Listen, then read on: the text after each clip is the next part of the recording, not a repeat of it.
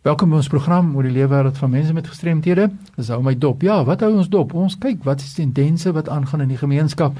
Ons kyk wat is die stryd wat mense stry, die uitdagings en ook uh, die probleme wat mense met gestremthede ervaar en hoe kan ons hierdie uitdagings omsit in oorwinning? En dit is wat ons nou te doen het hier in ons onderwerp die afgelope 3 weke was die Minimum Wage Act en dit is 'n groot saak. Ons het nou wat nou geluister het, Gary en Celista het vir ons mooi verduidelik wat die impak is van hierdie wetgewing en hoe dit mense met gestremthede ten nouste raak. En Celista, as ek albei jou kom, jy is van die vereniging van persone met gestremthede, dit is kan 'n bedreiging word, nê, nee, hierdie hele saak. Absoluut. Nie net vir IPD nie, maar vir alle NGOs wat werk met persone met gestremthede. Ja, and Gary you did last week there's a process in place for applying for exemption but you also mentioned that there's a process and it's an analysis going to be made. What is your opinion about the process. Just take us through this. Okay, so the process for applying exemption, as I mentioned last week, there's two areas we're looking at. The one is operational staff, which any company or any business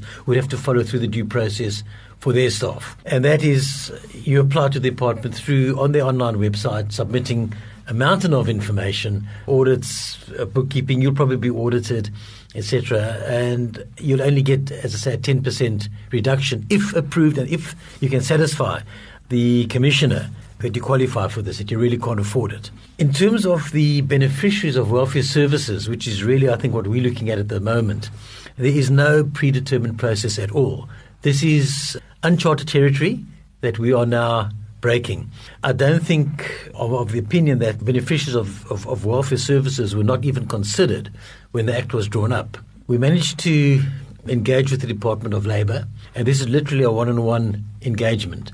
And we need to prove to the Department of Labour that the beneficiaries of, this, of, of, of social welfare services are not actually workers. They might be working in order to produce something, in order to learn, in order to gain skills, in order to prepare for the open market, should they be able to get there. But yeah, 100% they are not workers, and this is what we're busy engaging at the moment with the Department of Labour. Okay, but now what is the situation if you, they found you guilty of non compliance? If you're guilty of non-compliance, you'll first get a non-compliance order from okay. the uh, Department of Labour. You normally get two weeks to comply. Should you fail to comply, you could be imposed with a fine or be taken to labour court. And you motivate people to, to apply? People should apply if they can't afford it, 100% right. Um, don't, you know, I'm, I'm not not motivating to work in, in contravention of the Act at all. Whether the Act is right or wrong, whether we can afford it or not, it's a separate subject that we are addressing. Yeah, but that's an issue. If, if uh, what happens if you do not fin- cannot financially comply with this issue? You see, this is the challenge that we have. Correct. So operational staff will have to be looked at in a different way. In other words, the employer will have to look at how can reduce hours of those operational staff yeah. to save money, or work around one way or the other, or reduce his staff, which will create retrenchments That's and right. one employment. Alternatively, if they're really at the worst case scenario, the um, employer might even close down. Ja. Which means more job losses. En dis wat Celeste vir ons in een van die twee vorige programme gesê het, dit is 'n bedreiging want wie wil nou hê NGOs wat so wonderlike werk doen wat eintlik 'n voortgesette arm is van die regering want ons doen eintlik werk wat die regering kan doen of moes doen in die NGO sektor. And that's so important to understand the role of the NGOs in this whole process. So Gary, we had a long discussions the issue. Primarily it's the issue of to understand where you're talking about, understand what the role of of the workshop is all about and then but just to finish our discussion this four programs of us.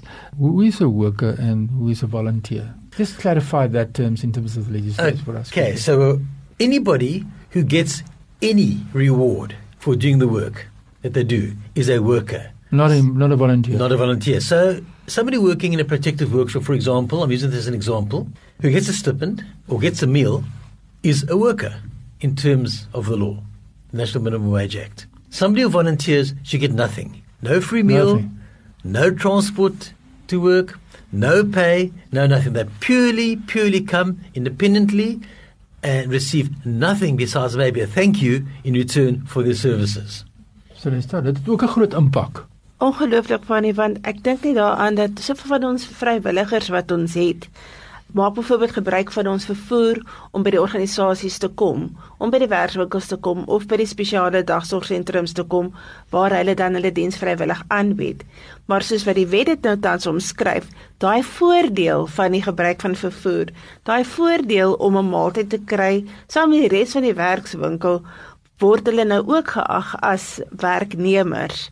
So dit maak dit ongelooflik moeilik en dit gaan maak dat ons by einde van die dag ook ons vrywilligers gaan verloor. Dit is 'n groot olifant in die vertrek.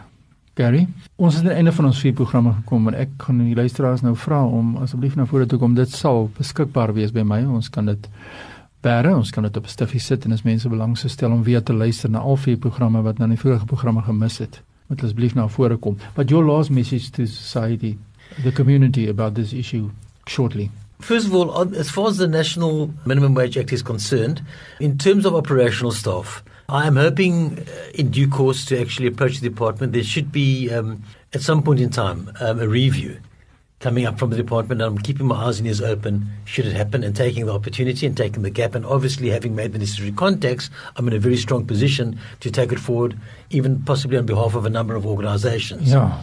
The second one, obviously, is in terms of the beneficiaries, where there is no prescribed method of or manner of, of, of, of applying for the exemption, and we actually we're actually breaking ground as we go. So, in that aspect, the best way to do it would actually to be get hold of me and work with me on it. Become part of this team. Yeah, and the team is NGOs integral part of the process, like what Celesta is here, our other guest today. Celesta, thank you so much for being part of this process and uh, reaching out to people like Gary and uh, try to find solutions for this massive challenge that we have as NGOs.